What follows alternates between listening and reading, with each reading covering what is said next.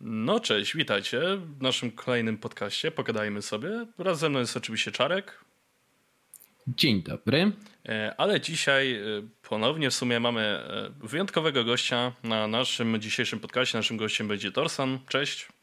Cześć, witam. I tak, Torsan, powiedz nam, o czym będziemy dzisiaj rozmawiać z Tobą.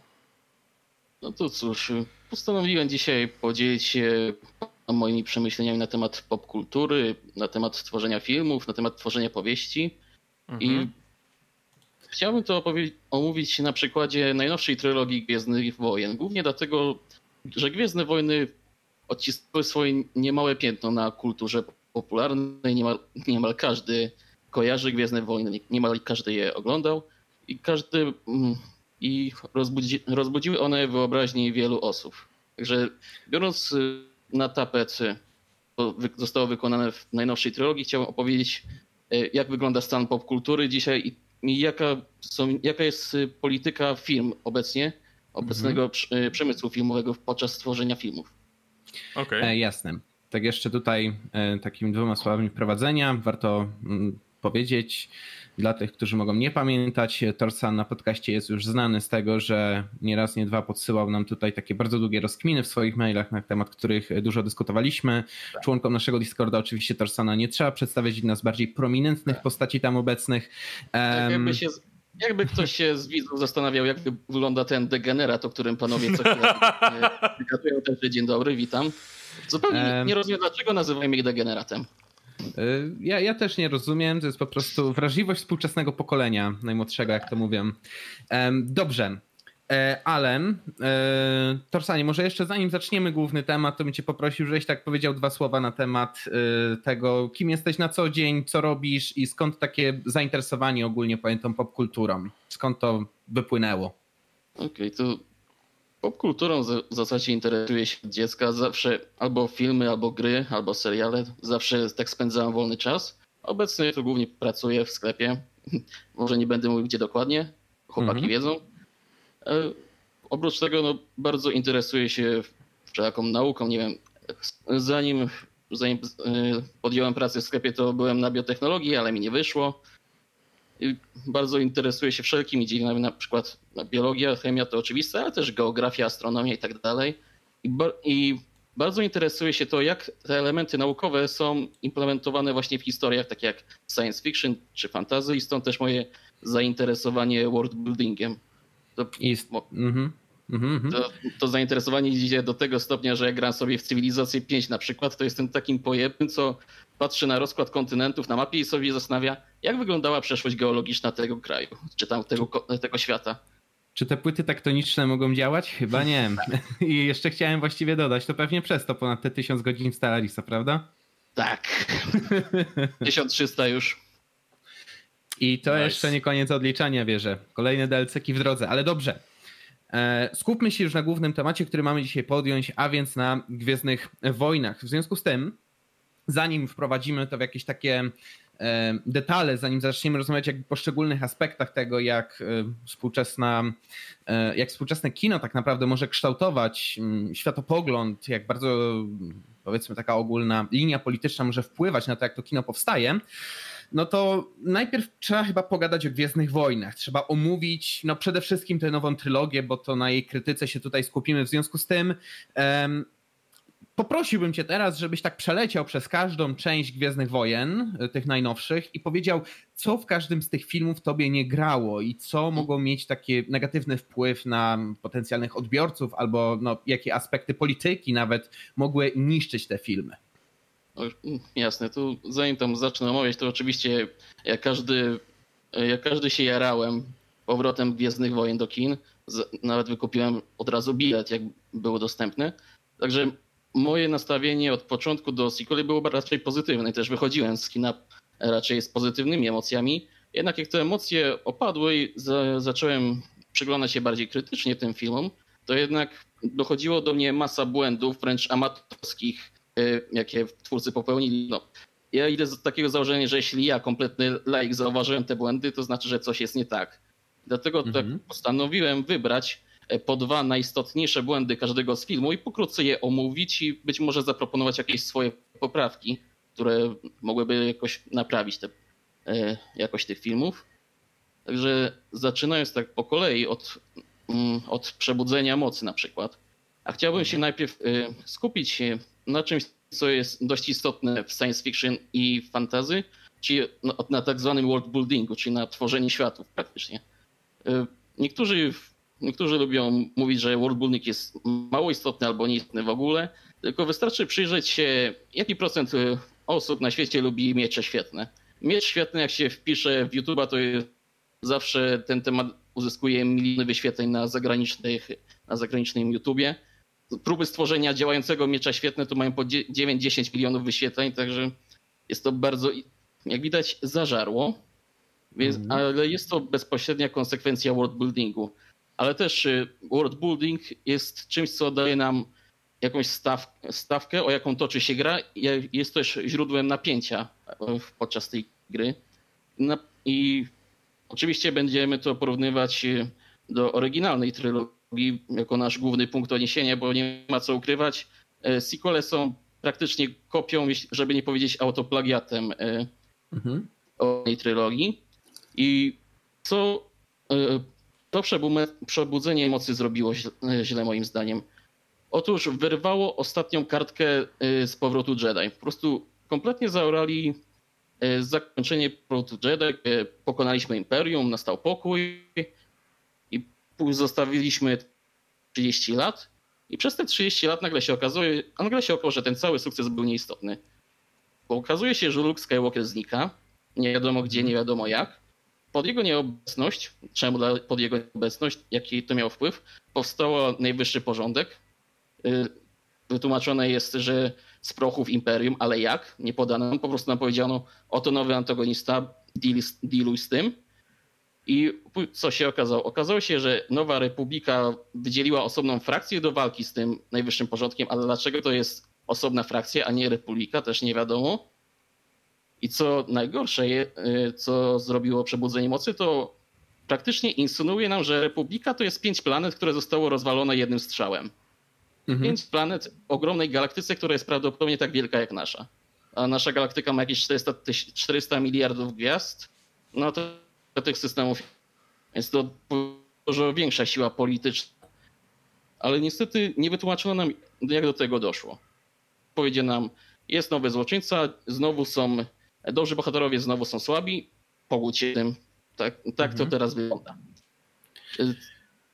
Co od razu czuć, że to jest nieodpowiednie, to choćby patrząc, odnosząc się do naszej historii, gdzie imperia tak po prostu nie upadają, nie tworzą się od tak, a tak nawet jakby widziałem niektóre uzasadnienia, że Repu Nowa Republika stała się mniej więcej tym, czym stała się Anglia i Francja po I wojnie światowej, że po prostu horror wojny takich przeraził, że, że stali się totalnymi pacyfistami.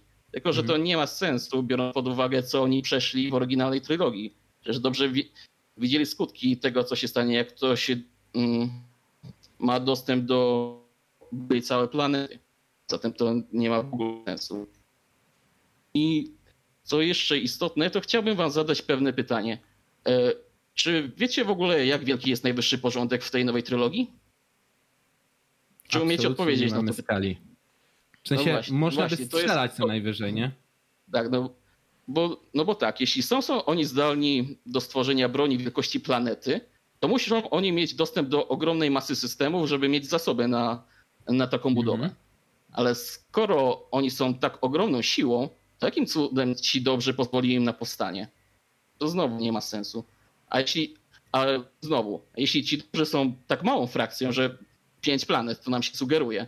Dlaczego mhm. oni poświęcili te zasoby na budowie ogromnej bazy, a nie mogli tego poświęcić na budowę floty? Mhm. mhm. To jest um, główna wada e, tej teorii. co? Chciałem tutaj wtrącić taką jedną rzecz, bo pamiętam, że kiedyś prowadziłem taką rozmowę z osobą, która jest wielkim fanem e, sagi.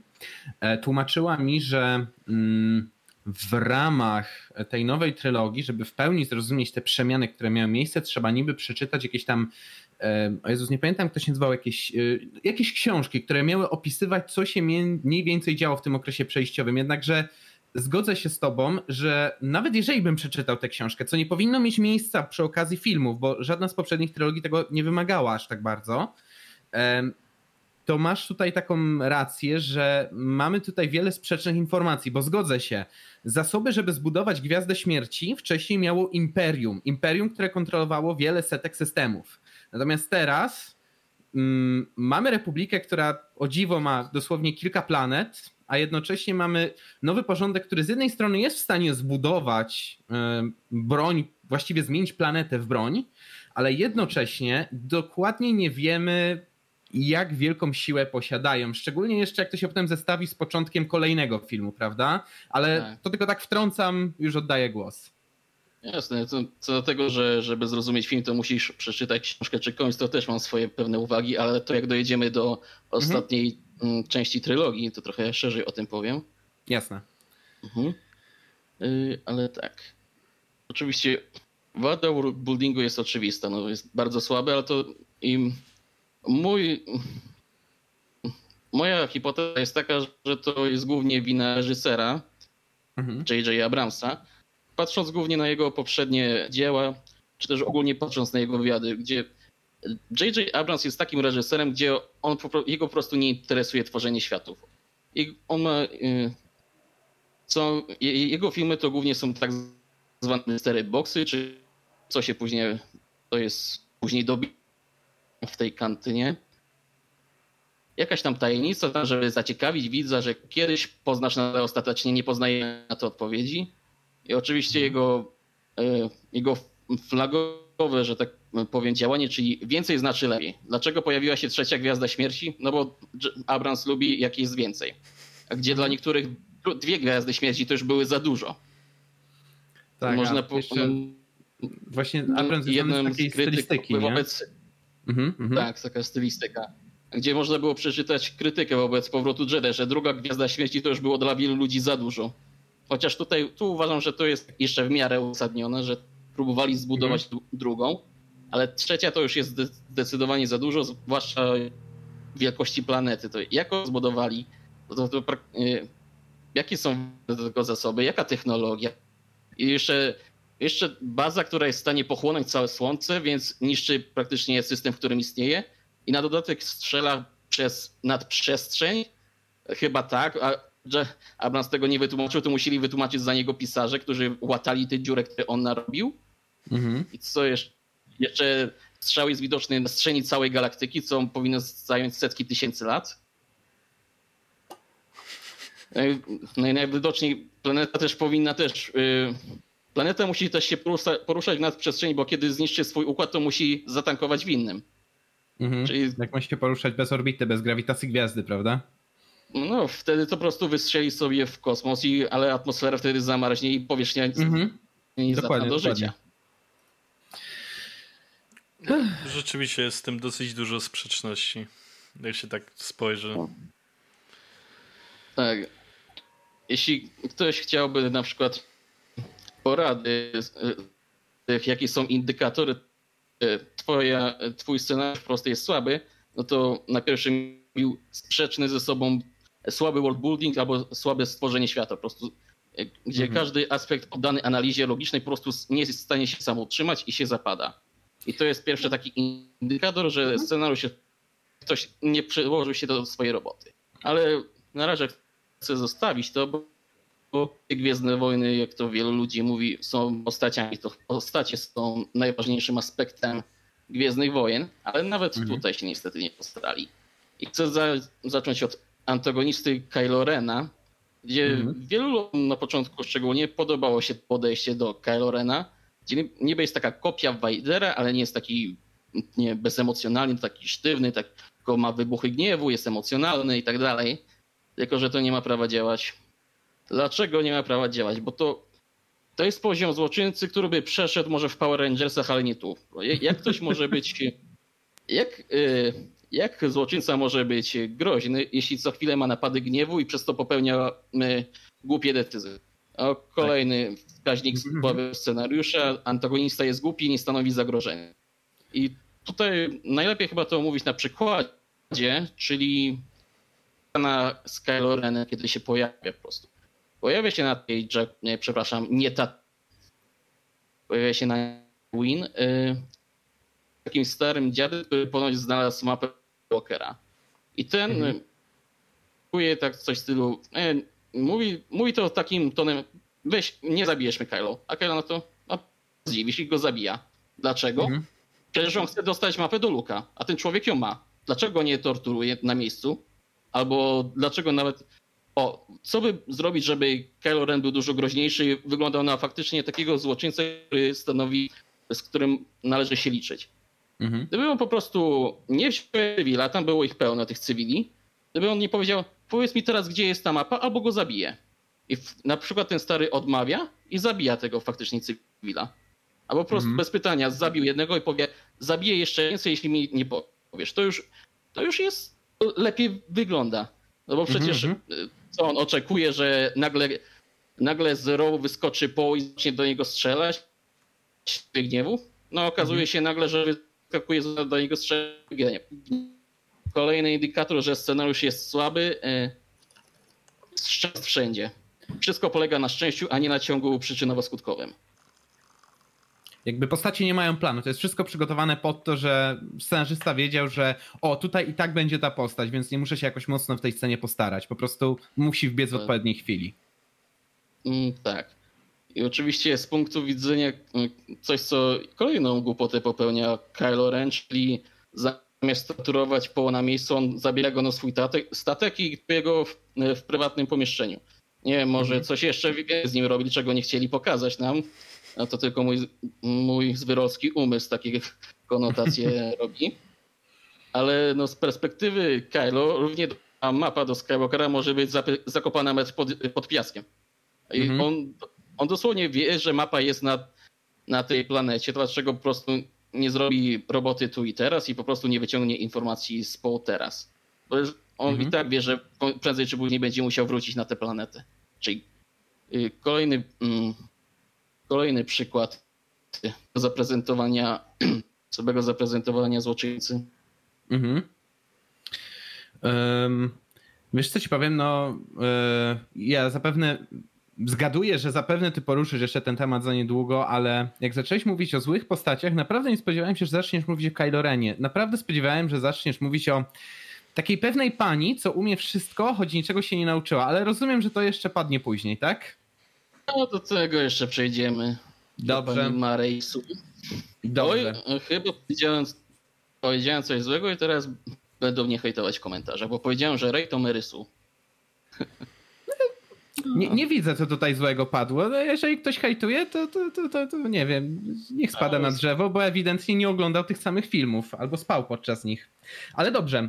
E, zobaczyliśmy już troszeczkę z Przebudzenia Mocy, to może przejdźmy do filmu, co do którego ja mam chyba największy żal tak naprawdę do twórców, a który to, no myślę, że tutaj można pokazać dość ciekawe błędy, więc może przeskoczmy w tej chwili już do ostatniego Jedi.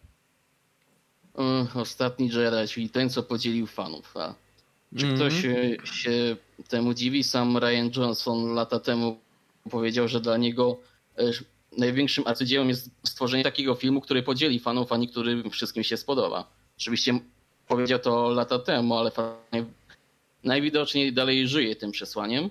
Mhm. I tutaj chcę, tutaj chcę odnieść się do oczywistego, czyli do tego, co, z czym wielu ludzi ma problem, czyli jak poradził sobie z Lukiem, czy raczej jak nie poradził sobie z Lukiem. I ostatnio też, e, tak śledząc różne filmy i seriale, zastanawiałem się, czym są postacie tak naprawdę w fikcji. Czy one są, nie wiem, wyglądem, historią, może są pewnym archetypem, mają pewny jakiś rdzeń, który jest niezmienialny, z którym ich kojarzymy. Na przykład, jakby, jakbym kazał wam wymienić cechy Luka nie z oryginalnej trylogii, to pewnie padłoby takie cechy jak pełen optymizmu, człowiek rodziny, człowiek, który nie traci nadziei, ale jak spojrzycie mhm. na tego nowego Luka, to te trzy cechy by nagle zniknęły. Taki wkurwiony stary dziadek. Stara zrzęda Boomer. dosłownie. Jedi tak. Boomer. Okej, okay. no, no, no. I właśnie dla wielu ludzi jest to takie całkowicie na miejscu, bo mm, po pierwsze zabrano mu ten rdzeń jego charakteru mhm. i mm, nie pokazano to widzom, jak to się stało. Znaczy, zaproponowano tam jakieś wyjaśnienie, że po prostu się zestarzał, zdziadział i w przepływie chwili chciał zabić swojego e, siostrzeńca, ponieważ ten miał zły sen. No ale to nie jest żadne wyjaśnienie. Żeby zmienić rdzeń postaci, to musi mhm. ona przeżyć naprawdę coś traumatycznego, żeby ten rdzeń całkowicie zniknął. I najlepiej jak się to widzowi mhm. pokaże, a nie, że się powie, tu ona teraz w takim jest. Nie się stało, albo pokaże ci to to też problem ostatniego Jedi właśnie z tą z Luke'iem, to mi się też skojarzyło e, to mieli fani podczas Batman kontra Superman, że wielu ludziom nie pasowało jak Zack Snyder potraktował Batmana, gdzie Batman w komiksach i w serialach często jest pokazywany jako ten, który tylko łapie złoczyńców, ten, który nie używa broni palnej, e, bohater, który nigdy nie zabija, nawet jeśli ma mhm. powód. No, tak, tak, tak. na przykład nikt by nie płakał za tym, gdyby Batman zapił Jokera. Ale rdzeniem jego postaci jest to, że on nie zabija i nie używa broni palnej. Co robi Batman w filmie Batman v Superman? E, zabija, albo przynajmniej nie obchodzi go los postronnych ludzi i używa broni palnej. Mhm. Że pamiętam doskonale te dyskusje, bo lubię takie nerd toki oglądać, parogodzinne. I wielu ludziom właśnie to przeszkadzało, że to nie jest ten sam Batman, którego znają. Że po prostu mhm. to jest jakiś inny Batman. Oczywiście tam też jest jakieś wytłumaczenie, że on przeszedł jakąś traumę, co go zmieniło, ale to jest tylko powiedziane. A, a w Hollywoodzie jest taka główna zasada: pokaż, a nie mów. Mhm. Jak... No tak, żeby widz mógł też emocjonalnie jakby poczuć tą zmianę i też jakby, jakby odczuć i zrozumieć, co z czego wynika, nie? Widz nie jest głupi zwyczajnie. Tak. Mm, dokładnie. E, ale tak, tylko wtrącę szybko, bo mówisz mhm. właśnie o Batman vs. Superman. Od razu jak mówisz o zmianie koru postaci, mi od razu na myśl przychodzi serial, który w sumie ja na naszym Discordzie i tutaj na podcaście mi sugerowano już obejrzeć, to w końcu zrobiłem, czyli Avatar, Legenda Anga. I tam tak. ścieżkę, którą przechodzi e, książę e, ludu ognia.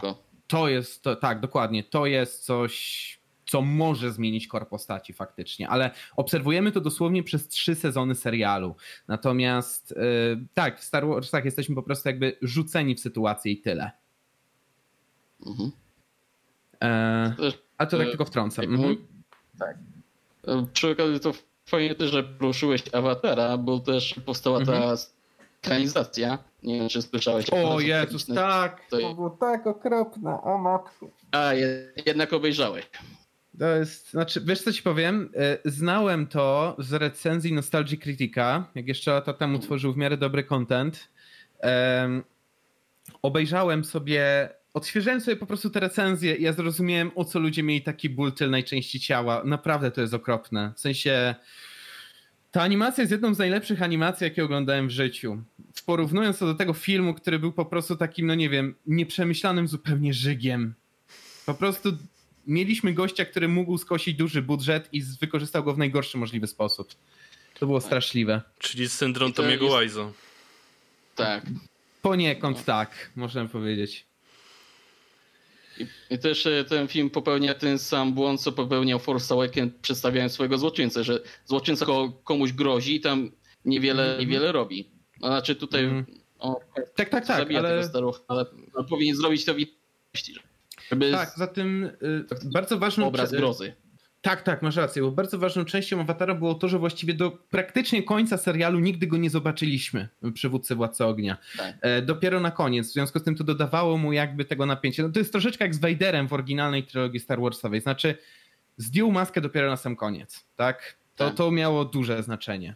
Tak, i pod tą maską nie skrywała się jakby zwykła twarz, tylko jakby o, o, o, mieliśmy to, to. poczucie jako tragedię przeszedł ten człowiek, że jakby jest w miejscu, w którym jest obecnie w pewnym sensie.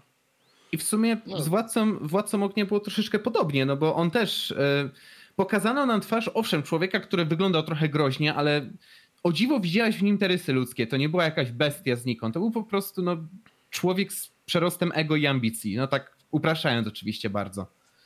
I też jest mm. Jest też, mhm. tak jeszcze mówiąc, jeszcze wtrącając, jest powód, dla którego po prostu działa, jest taką ikonicznym, e, czarnym mhm. charakterem. Po prostu Lukasz, po prostu twórcy oryginalnej trylogii, wyciągnęli wszystkie sztuczki z podręcznika. Czyli po prostu mhm. wielki, Yy, ubiera się w czarny pancerz, nie widać jego twarzy. Mhm. Nigdy ma oddycha przez jakiś dziwny respirator, przez ludzie e, rozpoznają, ale ten oddech synuje, że on może nie jest do końca człowiekiem, jest cyborgiem, coś mhm. przeszedł i on nie może teraz tego zdjąć. Faktycznie nigdy nie widać jego twarzy, jest, jest bardzo bezemocjonalny i to, i to też powód, dla, dla którego Kylo nie działa. On ma po prostu wybuchy gniewu, gdzie Vader jest po prostu jest po prostu za zimny, ciągle, ale wie kiedy kogoś ukarać. No, nie oszczędniają tak, tak. jak w czwartej tak. Tak, no Vader był taki, można powiedzieć, chłonny, pragmatyczny, taki właśnie bez emocji. Jakby, jakby tak. jego decyzje były takie skalkulowane w pewnym sensie na zasadzie nie, nie jesteś posłuszny, dobra, teraz się poduszę. Będziesz bardziej? To fajnie, nie? Gdzie rzeczywiście, jeśli chodzi o nową trylogię, nie, nie, nie obejrzałem wszystkich trzech części, bo nie miałem na to czasu ani chęci. Oglądałem Nic siódmą. nie straciłeś. E, właśnie to powoduje, że nadal tego nie obejrzałem, nie? Widziałem siódmą część Gwiezdnych Wojen e, i jakby tam przez to, że za bardzo nie pamiętałem tych poprzednich części, to też miałem pierwsze wrażenie, że okej. Okay. Ale z drugiej strony, jak sobie to właśnie później czytałem właśnie różnego rodzaju recenzje, czy sobie nawet powtórzyłem ten film, to też miałem takie ojej, oj, trochę to zepsuto. Jakby, jakby mhm. czułem się rzeczywiście wrzucony w jakiś nowy świat, jakieś nowe, jakby w pewnym sensie uniwersum, które ma jakieś elementy starego, e, ale tak trochę czuję się w tym wszystkim niepewnie, nie do końca rozumiem, co się dzieje tak naprawdę, nie? Mhm. E, tak, ale muszę nas też przewrócić na główną część historii i faktycznie to, co pokazałeś nam przy okazji Luka, że to jest postać, która nie ma wiele wspólnego z tym, kim był, jest ogromnym problemem i próba zmienienia go jakby dla samego zszokowania widza, dla samego twistu, to jest po prostu marne pisanie. To jest e, też, e, to jest też podcinanie, na której się siedzi, no bo mhm. no bo jak każdy twórcy chcą zarabiać, artyści chcą zarabiać. A na kim oni chcą mm, zarabiać? No na fanach na fanach. Na fanach czego? Na fanach ich y, y, twórów, y, na, na fanach mhm. ich dzieła. No Ale tak, tak. jeśli swoim działaniem wkurzą fanów, to to stracą też możliwość. To zresztą widać, jak się przyjrzy po tym, ile każda z części zarobiła. Pierw, siódma część zarobiła ogromne pieniądze, no bo to był jeden sam z rekordzistów, jeżeli chodzi o... No tak, bo, bo przywrócenie marki, jakby nikt się nie spodziewał, co się stanie, więc każdy był ciekawy. Tak. Mhm, tak, no tak. ja na powrót Gwiezdnych Wojen jarałem się bardziej niż na Endgame, nie żartuję. Okej. Okay. Tak, taki... Mia miałem na odwrót, ale mogę to zrozumieć. Tak, tak, tak. Tak. E, później jak wyszło ostatni Jedi, to ledwo przebiło miliard. Tam miliard 300 milionów chyba zarobiło. Mhm. I też miało ogromny spadek tygodniowy, chyba powyżej 60% oglądalności e, tygodnia otwarcia. Później E, Fall of Skywalker, które było nie, e, nieco ponad miliard. Mhm, to prawda. być, zarobić najwięcej ze wszystkich. Mhm. Jeżeli by podbudowywano napięcie, jeżeli by kosiło to fanów z każdą częścią, to fakt. No, tak, tak. to znaczy wiesz, no, ludzie się przechali trochę na siódmej części, więc nic dziwnego, że się później zaczęli przejeżdżać na kolejnych. Wiem, że Łotr, e, Łotr 1, Rogue One, po angielsku tak było nazwa, mm -hmm. to to była bardzo fajna część taka poboczna, bo tam rzeczywiście jakby zbudowali to bardzo fajnie i by się super to oglądało. Było tyle powiem. Ma swoje problemy, ale i do obejrzenia.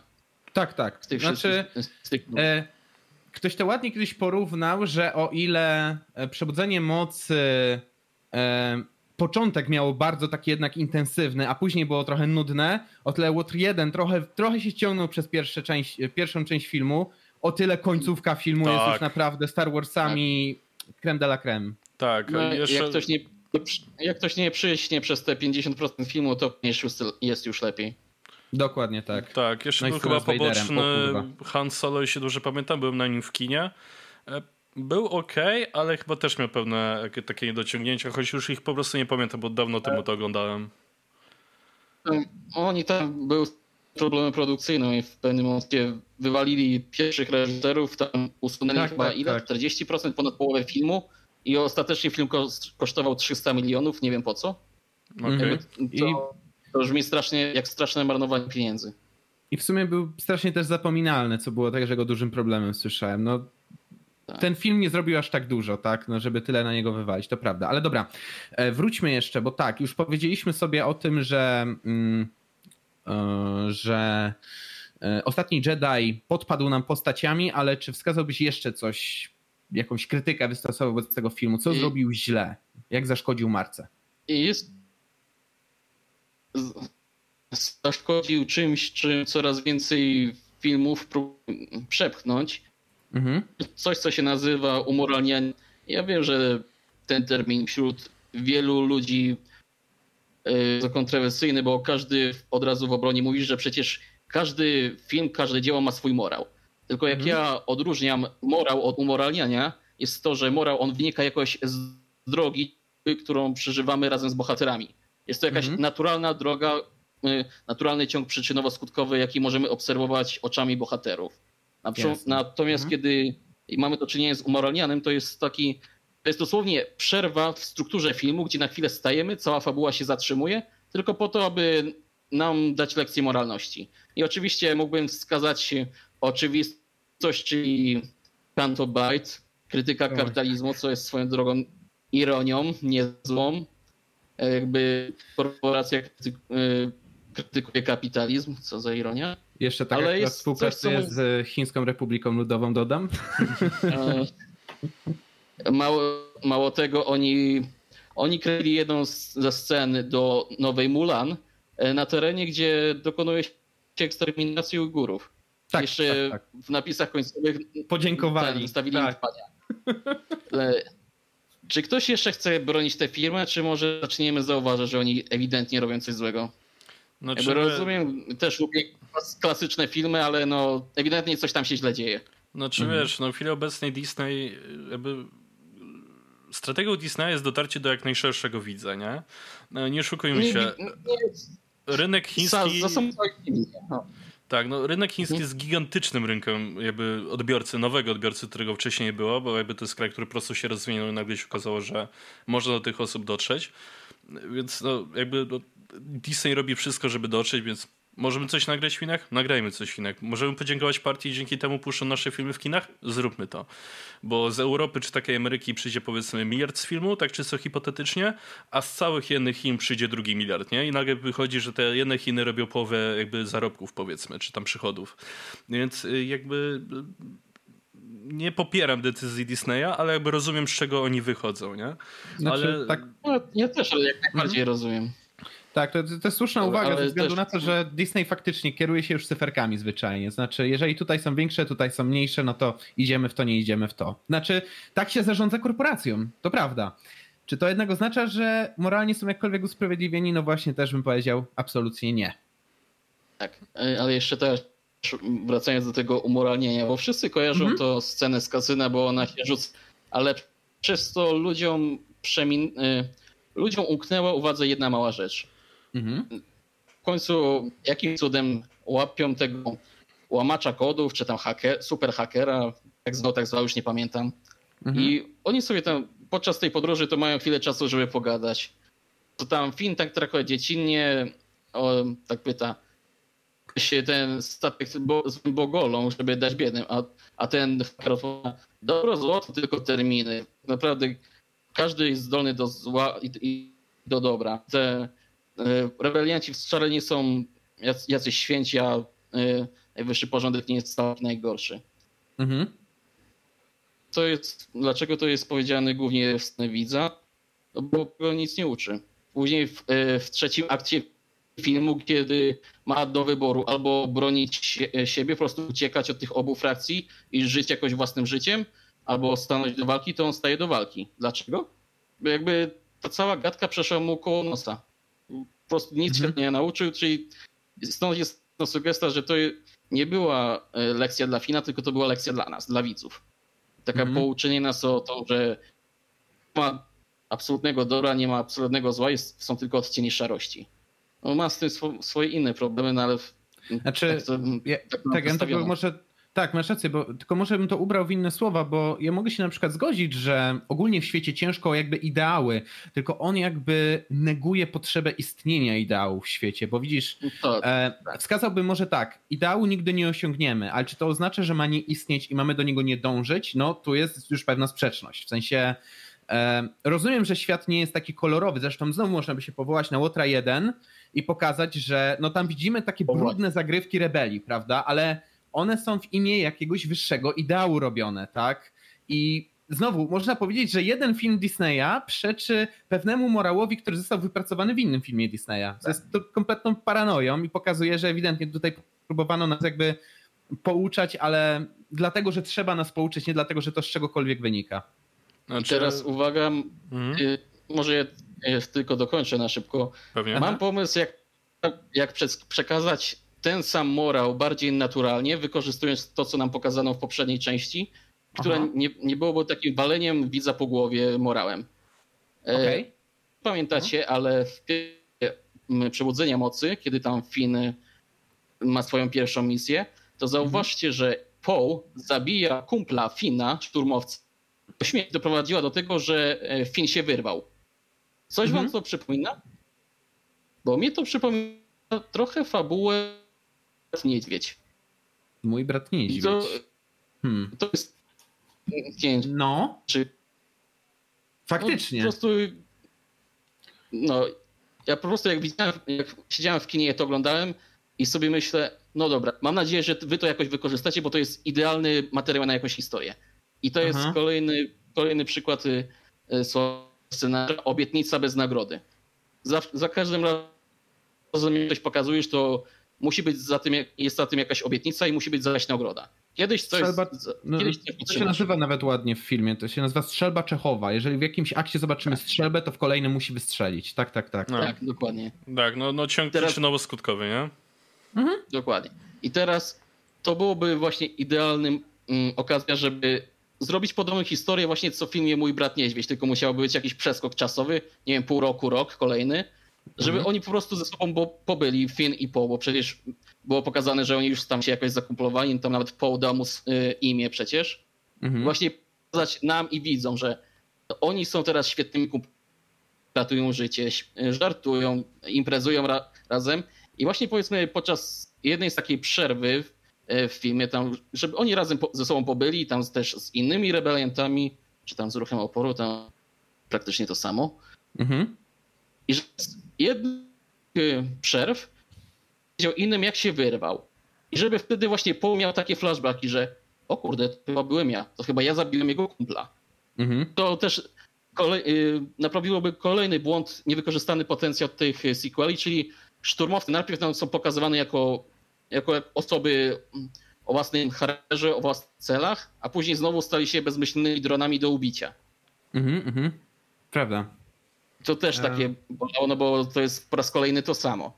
A tutaj właśnie i nadałoby tym szturmowcom jakiegoś charakteru i nas by chwyciło za gardło, przecież widzielibyśmy jak ci panowie stali się kumplami, a teraz nagle Paul ma dylemat powiedzieć mu czy nie powiedzieć. Jak film zareaguje, czy, czy film mu wybaczy, czy, czy może na przykład e, da się sobie na przykład spokój z tą całą walką i stanie się na przykład łowcą na i będzie mhm. o swoje interesy. To, to byłaby właśnie idealna historia, która, która osiągnęłaby to samo, co nam po prostu było powiedziane przez tego superhakera, że dobrzy ludzie robią złe rzeczy dla wyższego celu. To by, osiągnąłby ten sam cel, a nie byłoby takim waleniem wica po głowie. Prawda, subtelniej by to zwyczajnie zrobił. Tak. Zgadzam się. Wyszłoby tak, bardziej naturalnie. E, tak, i to nie byłoby coś na zasadzie pouczamy widza, tylko faktycznie ta postać przechodzi jakąś zmianę i widzimy, że ona ma swoje konsekwencje, one nie są takie jednorodne, tak? To nie jest no tak, zero-jedynkowe. Bardziej chodzi o to, żeby widz sam wyciągnął te wnioski, które film chce przekazać, a nie, że, że to musi paść, żeby tak. ktoś się domyślił, nie? No, no, bardziej na takiej zasadzie. Mhm. Dobrze, także w tym momencie muszę przyznać, że jestem przekonany. E, kiedyś oglądałem taki materiał na YouTubie, gdzie był wywiad z gościem, który, uwaga, Disney miał wynajętego specjalnego gościa, któremu płacono za to, żeby pilnował spójności fabularnej wewnątrz sagi Star Wars. Tą osobą powinien być Torsan. Tego kościa powinni wypieprzyć na zbity ryj. Ale w tym momencie chciałbym, żebyśmy przeszli do krytyki trzeciego filmu, którego oficjalną moją recenzją na Filmwebie jest emocja jak przy obieraniu ziemniaków, czyli do Gwiezdne Wojny Skywalker Odrodzenie. Jakie tutaj błędy byś wyciągnął? Bo powiem tak, przy okazji poprzednich filmów przynajmniej można było być moim zdaniem emocjonalnym co do problemów, jakie one miały. Ale ten film był totalnie nudny, prosty, banalny. Siekał najbardziej właśnie człowieka po łbie takim, taką nieumiejętnością. Po pierwsze, zebrania wszystkiego do kupy, co było wcześniej, ale to wynikało z błędów, które popełniono tam, ale przede wszystkim nieumiejętnością napisania czegoś oryginalnego. W związku z tym, jakie największe błędy dostrzegasz przy Skywalker Odrodzenie? Okej. Okay. I tu właśnie przechodzimy do tego, co było wspomniane na początku, czyli do e, konieczności przeczytania książek albo komiksu, żeby zrozumieć, co się w ogóle w filmie dzieje. No mhm. to jeśli twój film musi opierać się na jakichś innych źródłach, to znaczy, że robisz coś. To jest e, jakby mhm. dla mnie wytłumaczenie tego, że e, ta scena brzmi lepiej, czy tam jest lepiej wytłumaczona tym, co się działo w, nie wiem, w jakiejś książce, to, to jest żadne wytłumaczenie. To ja, ja nazywam, tak sobie roboczo nazywam tę część Star Wars skupce książkę. Przepraszam, e, to, to brzmi po prostu tak, jakby, jakby ten film kręciła, kręciło ktoś wynajęty przez Electronic Arts. Ile już, ile już lat tłuczemy to, ten sam problem w branży gier wideo? 15-20 lat? Um, mm-hmm. firmy, firmy nam podają tylko po to, aby w Dobra, wybaczcie, że przez chwilę Trossana przycięło, ale powinno być już lepiej. No chyba, chyba lepiej, tak. To zaczynaliśmy na, e, od tego, sko skończyliśmy na tym, że mm, porównaliśmy to podejście do podejścia hmm. Electronic Arts, hmm. gdzie co, czy też do branży gier wideo, gdzie co chwilę nam e, co chwilę wydają nam na, wpół wypieczone produkty tylko po to, aby przekonać nas do kupna DLC albo dodatków gdzie mm -hmm. no jest to kompletnie nie, bezzasadne, to jest takie po prostu odcinanie sobie marki, gdzie po mhm. prostu wyda, e, zaoszczędzimy hype, wiecie, banda fanów i tak później się rzuci na DLC. Mm -hmm. No nie wiem tak, jak tak. ale kiedy ja idę do, do, chcę obejrzeć pełen produkt, a nie tylko coś na wpół wypieczonego. Mhm. To jest tak, dokładnie, w sensie znaczy... inaczej. Bo można wydać grę, która ma DLC-ki, które rozszerzą jej na przykład uniwersum, tak. które coś dodadzą faktycznie do skończonej już mhm. fabuły, ale zgodzę się, że właśnie Ubisoft czy jej są znane szczególnie z tego, że wydają nam produkt, w którym ewidentnie pewne elementy już się powinny znaleźć, ale ich tam nie ma. I to jest tak. celowe działanie biznesowe. No czyli Electronic Arts są tym mistrzami w sumie. Mhm. Tak. I tak samo też uważam, że nadal mogą powstawać. Ja tylko, że one po, powinny właśnie rozszerzać to uniwersum, dodawać do niego jakiś komentarz, żeby nagle to uniwersum miało sens, gdzie to jest właśnie mhm. największa, jedna z największych wad dziewiątej części, że jak nie przeczytasz książki, to ten film nie ma żadnego sensu. Mhm. Delikatnie rzecz ujmując.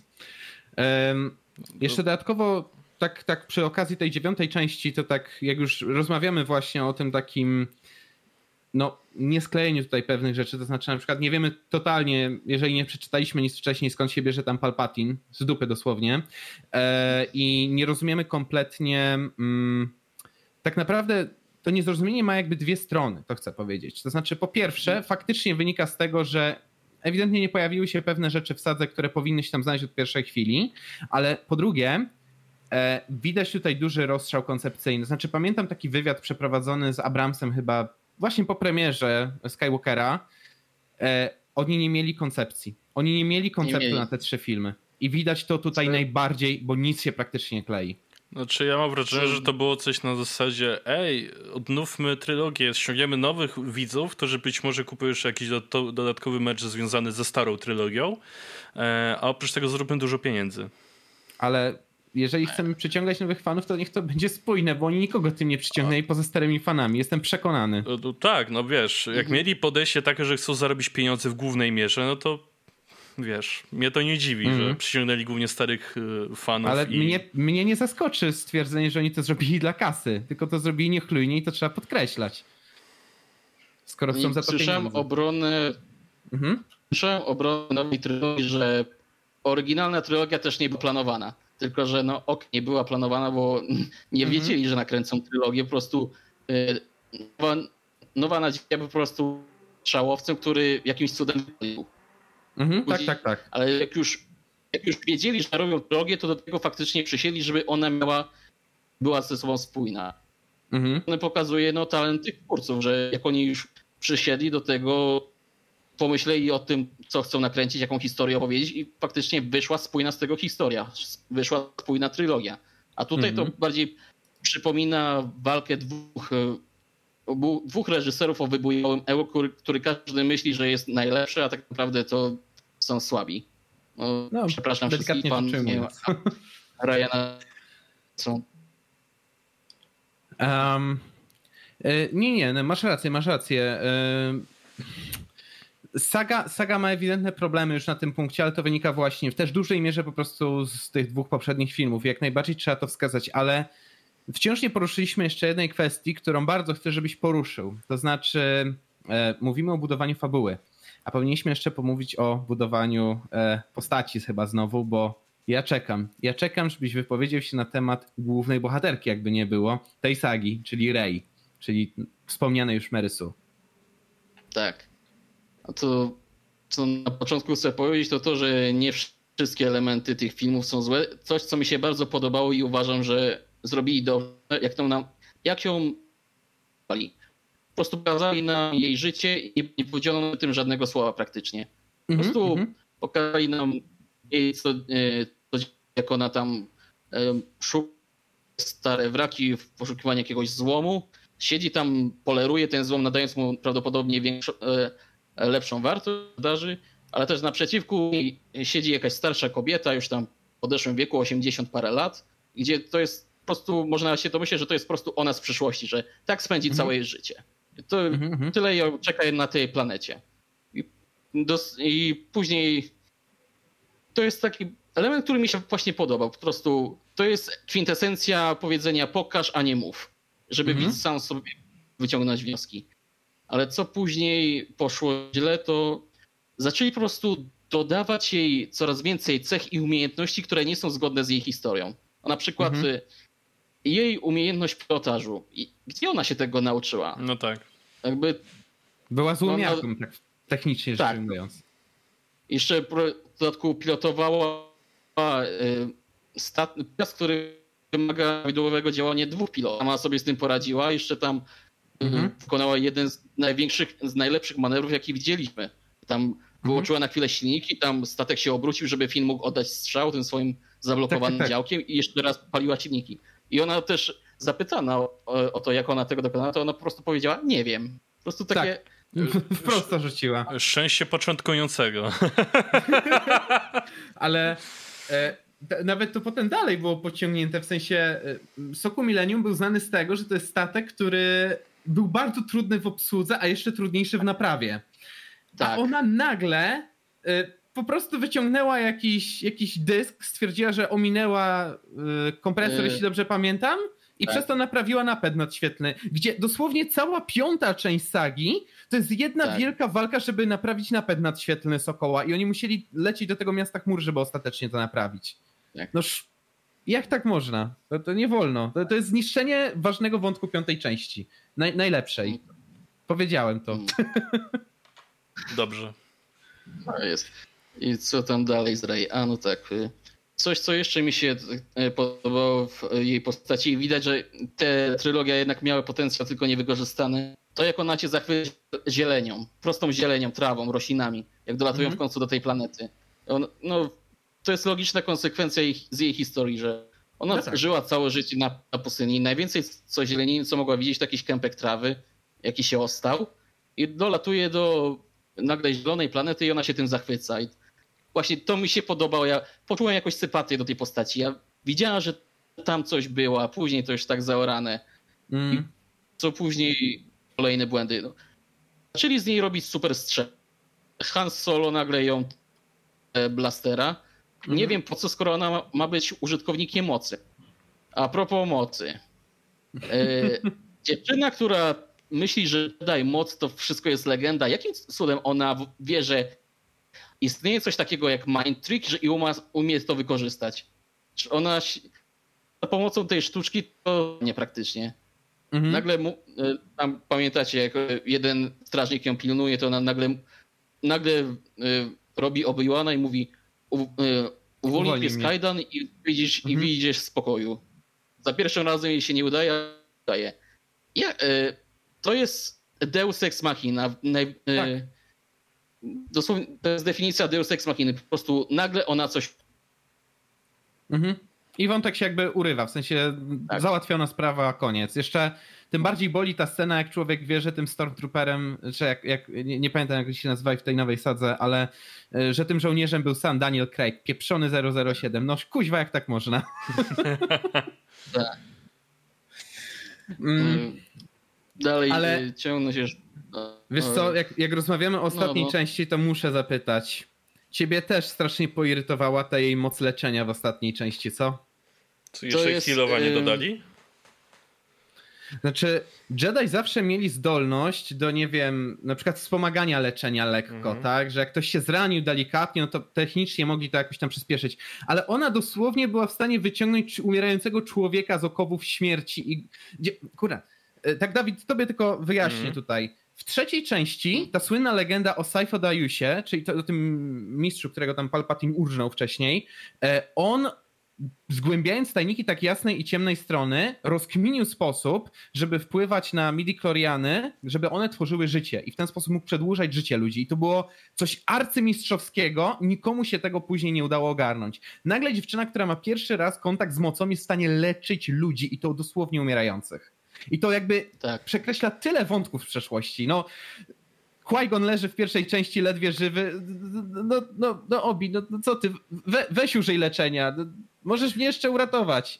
Nie mistrzu, nie, nie uratuj. O ty chu i umiera. No, no jak tak można?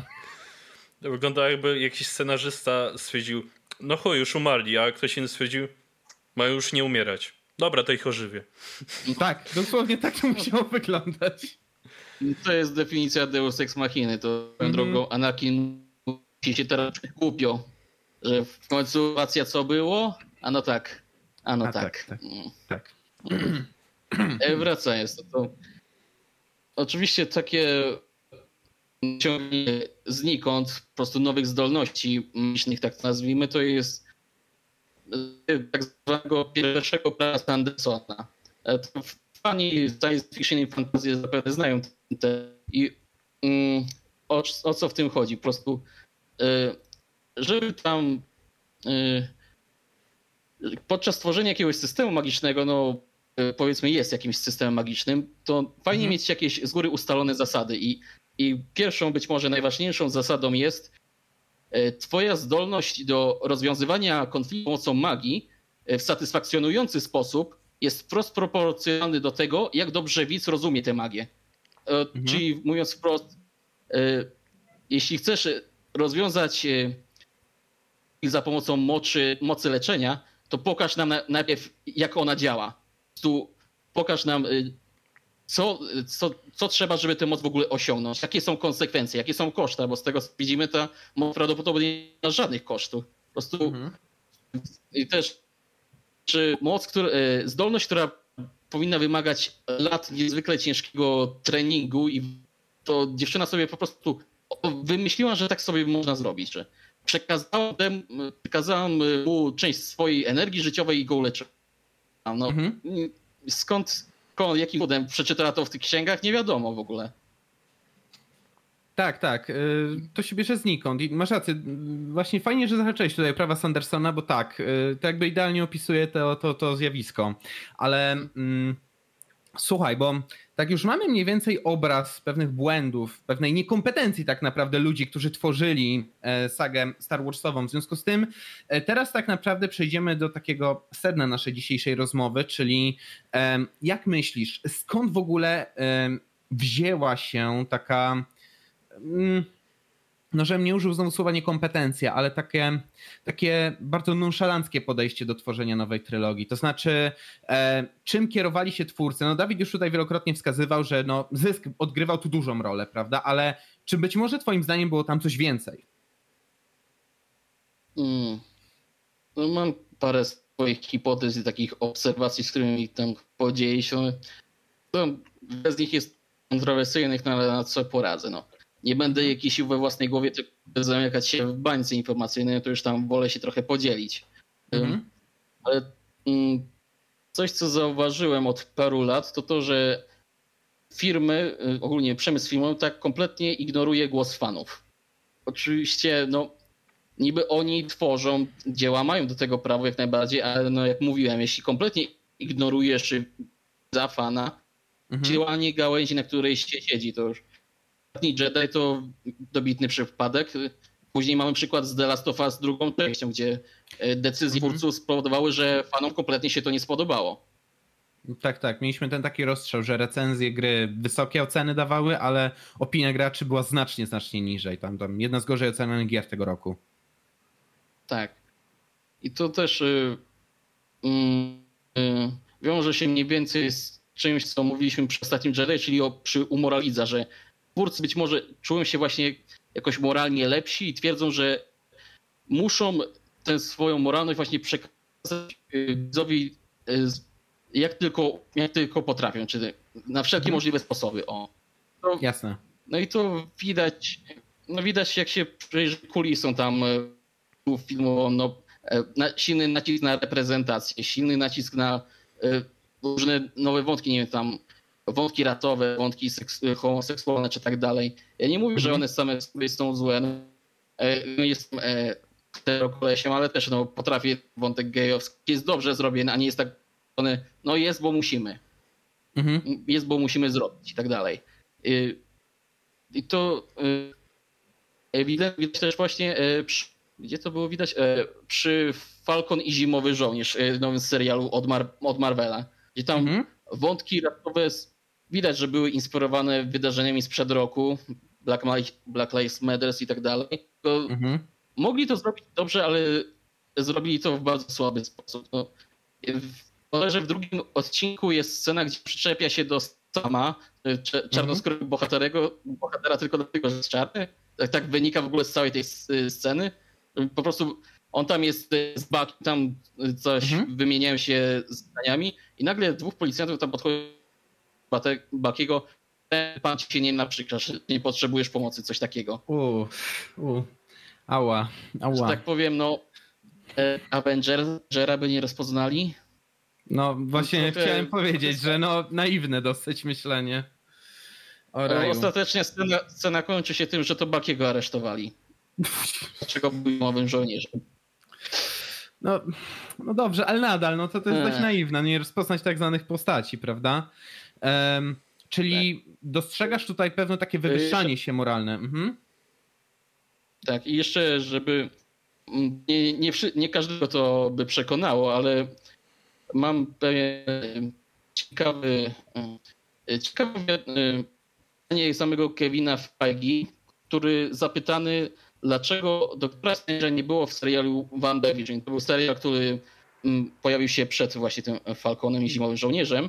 I on, mhm. E, Kevin Feige powiedział wprost, by wyglądało, gdyby biały mężczyzna mówił kobiecie, jak działa jej moc. On to powiedział wprost, ja sobie tego nie wymyślam. Więc proszę, jakieś moje uprzedzenia czy poglądy zaciemniały mi obraz sytuacji. On sam już to przyznał, że by wyglądało, gdyby był dla kobiety. Mhm. I podejrzewam, że jest to też jedną z przyczyn, dlaczego Luke nie był mentorem dla Rey Przecież on byłby idealnym mentorem dla Rey, ale widocznie jakieś tam uprzedzenia, czy tam poglądy twórców nie pozwoliły im na zrobienie takiego, że Luke nie może być mentorem dla Rey. Mhm, ja rozumiem, rozumiem. Teraz to, e, no, mhm. teraz to, ja mówię, nie myślałem sobie, oni sobie teraz to oficjalnie przyznają, że mhm. postać facetem na Chłop wystarczyło powiedzieć, że obecność popularniejszego bohatera przyćmiłoby wątek Wandy. Wystarczyło to powiedzieć. Wszyscy by mhm. zrozumieli, a po co ty dodałeś, że jego płeć jest problemem. No, mhm. no chyba, że mamy poglądy takie, a nie inne. Czyli mówisz, czyli mówisz po prostu, że znaczy inaczej. Być może nawet, ja bym zakładał, że oczywiście znajdą się twórcy, którzy mają jakiś światopogląd i go jakby przez te filmy próbują przemycić, ale Być może też jest po prostu taka presja społeczna e, ogólna w Hollywood. To znaczy, e, nie wypada pewnych rzeczy pokazać, bo inaczej cię nie sfinansują, będziesz miał problemy z później zatrudnieniem i tak dalej, i tak dalej w tym środowisku. Więc e, zastanawiam się, jak sądzisz ty, na ile tutaj odgrywa mm, rolę ta proporcja, to znaczy jak wiele wynika z światopoglądu tych ludzi, a jak wiele z presji, którą wywiera tam ta społeczność filmowa. Mhm. Także oglądałem, oglądałem kiedyś z jednym z producentem i scenarzystów e, hollywoodzkich. Mhm. On się nazywa Karman, Karman Pasha i to nazwisko coś wam pewnie mówi. On jest praktykującym muzułmaninem. I on mhm. pracuje w Hollywoodzie już od ponad 20 lat. Okay. To oczywiście jest opinia jednego gościa, to proszę to tam mieć to na uwadze, ale według tego, co on przeżył i, i co on doświadczył, to mhm. ideologie i ogólnie poglądy polityczne osób e, tworzących te filmy stanowią czego film inaczej. On na przykład opowiadał e, to, jak, e, jak swoją karierę za, jak za czasów prezydentury Busha, Obama został wybrany na prezydenta, mhm. to on opowiadał o tym, jak jego kariera po prostu w górę, on wpiął się po szczeblach kariery, ale mhm. teraz, kiedy Barack Obama, bardziej lewicowy prezydent wybrany, zatrzymała. Tu mhm. chciał awansować. Bez zostania dołku. I to mhm. nikt y, przestali w ogóle prosić jej e, o nie, y, często Okej, okay, małe problemy techniczne raczej znowu rozwiązane. Lecimy dalej. Dobra. E, tak.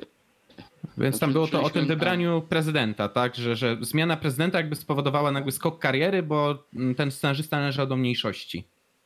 Tak. Jeszcze zwrócić uwagę na to, gdzie mówi o w przypadku reprezentacji, czyli szkoleniu ludziom z innych środowisk przez widzenie jakby. Mhm. Problem jest z tym, że to nie chodzi o ich pochodzenie, tylko o ich poglądy. Bo jeśli E, osoba z mniejszości jakiejś tam, czy to etnicznej, czy seksualnej, ma inne poglądy niż e, Hollywoodcy, to im się nie mhm. pozwoli wypowiedzieć. To nie ma znaczenia mhm. w ogóle ich pochodzenie, tak jak wielu ludzi oficjalnie mówi, tylko znaczenie ma to, że nie mieli tak samo poglądy jak oni. Rozumiem. Rozumiem. Hmm. Czyli e, kluczowe było to, to, co myślą. Nie, nie tylko to, kim są, ale to, co myślą i to, jaką się linię przyjmuje w danej chwili. Dobrze, rozumiem. I teraz e, jeszcze sobie zostawiam tutaj takich parę rzeczy na koniec w, nasze, w ramach naszej rozmowy, ale czy uważasz, że ten trend ogólnie będzie kontynuowany w branży filmowej? To znaczy, czy przemysł filmowy nadal będzie taki mocno przysiąknięty światopoglądem? Czy jest szansa, żeby świat filmowy niejako wyrwał się z takich kleszczy ideologii, że tak się wyraża? No to no ja jestem raczej, raczej pesymistyczny, jeśli chodzi o swoje przewidywania, to uważam, że to dalej będzie postępować. Mhm. I to postępować będzie do momentu, kiedy naprawdę nie, nie dostaną po portfelu, bo w końcu póki na tym zarabiają, póki się z tego utrzymują, to będą dalej Dobrnąć. tworzyć taki, takie działanie inne. Dalej to iść, tak. To już ma znaczenie opowiadanie historii, ma, ma znaczenie już tworzenie mitów, czy tworzenie ciekawych światów. Znaczenie jest to, by przepchnąć własny, y, na, y, na temat świata i własny, własną moralność. Wiesz co, to tak, tak brzmi jakby Hollywood potrzebował drugiego Chimino, jeśli dobrze pamiętam go się nazywa, czyli twórca Łowcy Jeleni, bo tak tylko krótko wprowadzę, to, była taka, mm. to był reżyser, który nagle zabłysnął wszystkim tworząc Łowcę Jeleni, legendarny film jakby nie było, e, ale był znany z tego, że był wyniosłym dupkiem, który e, miał ogromny przerost tego. I kiedy zaczął tworzyć swój drugi duży film, Połowcy Jeleni, czyli zaczął tworzyć e, Wrota Niebios, to ten film był znany z tego, że dokonywały się tam makabryczne rzeczy na planie. To znaczy, według reżysera, jednego dnia reżyser mógł uznać, że trawa jest za mało zielona, więc trzeba albo wokół niej wybudować system irygacyjny, albo zacząć ją malować na zielono. E, pracownicy, w sensie statyści, których miał tam całą masę, czy, czy aktorzy dostawali głodowe pensje i tylko jeden posiłek dziennie. Nie wiem, skrążyły też plotki z tego planu, że na przykład wysadzał konie, żeby eksplozja wyglądała bardziej przekonywująco na planie. W związku z tym, w związku z tym już, już mamy obraz takiego filmu, który się ludziom nie spodoba, jak o tym słyszeli, bo to w prasie wybuchła afera, ale dodatkowo jeszcze Cimino przed rozpoczęciem zdjęć podpisał sobie umowę, w ramach której mógł dowolnie sobie rozszerzyć budżet i dowolnie e, mógł modyfikować swoją wizję reżyserską. I on ostatecznie na planie spędził kilkanaście miesięcy, jeśli dobrze pamiętam. E, I z początkowego budżetu był w stanie nakręcić pierwsze półtorej minuty filmu. On go przedłużył kilkukrotnie i ostatecznie wartość tego filmu przekroczyła, czekaj sobie aż sprawdzę, żeby teraz nie przekręcić. E, budżet był 44 miliony, a w box office film skosił ledwo 3. To, to, mówimy o katastrofie finansowej, która zniszczyła całe studio filmowe. To, to Bez... mówisz o historii mhm. tego gościa, który chyba wyłożył jedno z największych kwot w historii wcześniej na, na film i potem już stwierdzono, że nikomu nie da się takiego czeku in blanco, tak? To masz na myśli? Mm, niekoniecznie dostał największą. Nie wiem, czy on dostał wtedy największą. Tak czy inaczej od tamtego czasu właśnie zaczęto myśleć o kinie nie jako o sztuce, tylko jako... Mm. Okay powiedzmy właśnie numerkach, tak jak teraz Disney o tym myśli. Znaczy, tu straciliśmy, tu musimy zyskać, tu straciliśmy, mm. tu musimy zyskać. I od tamtego czasu, żeby zdobyć duży budżet na film, trzeba się naprawdę napracować albo mieć już legendę i dosłownie serię filmów, w których nie odnieśliśmy porażki finansowej. Na przykład niedawny film Tarantino, czyli pewnego razu w Hollywood, mimo że nie był może jakimś jego najlepszym filmem, mhm. był w stanie nagromadzić 95 milionów dolarów budżetu i to był naprawdę jeden z większych budżetów w ostatnich latach, ale tylko dlatego, że Tarantino był znany z tego, że w sumie nigdy nie kręcił filmu, który przynosiłby straty. I tylko dlatego mu takie pieniądze wręczono. Um, Rozumiem, więc no jakby tutaj jakby chciałem w ten sposób potwierdzić, że te obawy twoje są zapewne w jakiś sposób uzasadnione, Torsan. Um... Ale też, ale też mhm. z drugiej strony widzę pewne światełko w tunelu, no bo mhm. mierność jednych może się przyczynić do wzrostu drugich. To pamiętam, mhm. jak po ostatni jet wyszedł, to wielu youtuberów, zwłaszcza z zagranicą, było na krytyce filmowej. I też mam takie przeczucie, że jakość czy w ogóle w tworzeniu historii przez przemysł filmowy i to, że wielu ludzi jest sam, sami będą samo, sami będą tworzyć własne historie i postarają mhm. się nie popełniać co popełniali inni. Tam przykład australijskiego youtubera, który dwa lata temu wydał własną powieść, okazała się całkiem przyjemną lekturą. E, powieść, tak? Powieść, bo mogą mhm. Tak, powieść powieść, tak, Shadiversity się nazywa, ma kanał na YouTubie. Y, teraz zebrał na tyle wysokie grono fanów, że ci fany się po prostu zrobili rzutkę na to, aby wydać krótki film jego, na, na podstawie jego powieści. Shadiversity. Okej. Okay. Ej, faktycznie to jest ogromny kanał, to ma milion dwieście tysięcy subskrybentów w tej chwili, no to też tak, mówimy tu o czymś dużym. Robi też, robi też y, bardzo ciekawe te analizy bo to jest główny, główny jego content, czyli y, walka na miecze i tak i, i dalej, średniowiecz. Tak, można przeczytać w opisie kanału. Miecze, science fiction, fantastyka, filozofia i miecze. Okej, okay, okej. Okay. Rozumiem. No to zdecydowanie czymś, czym chętnie bym się zainteresował. Ale yy, myślałem szczerze, że uderzysz troszeczkę inaczej w ten temat, bo mam też wrażenie, że ostatnio mamy wykwit takich twórców, którzy niekoniecznie działają po prostu w Hollywoodzie albo e, nie uzależniałem swojej kariery zupełnie od Hollywoodu. Na przykład niedawno mieliśmy przecież ogromny boom związany z filmem. E, o Jezus, teraz, żebym sobie szybko przykręć, przypomniał ten tytuł. E, to był Parasite. O, o Parasite'em tak. z 19 roku, nie? W sensie tak, Johan Bong. Tak, tak. Johan Bong nie był związany z Hollywoodem, a jednak ten sukces międzynarodowy odniósł. Oczywiście nie mówię, że to już teraz idzie taka burza niszcząca Hollywood, ale to pokazuje, że niezależni twórcy mają dzisiaj szansę i to chyba nawet chyba większe niż właśnie, kiedykolwiek tak naprawdę. Tak, to znaczy... Właśnie, właśnie taka trochę taki trochę ten prawidłowy kapitalizm, gdzie konkurencja może wymusić na ludzi właśnie powrót do tworzenia lepszych filmów.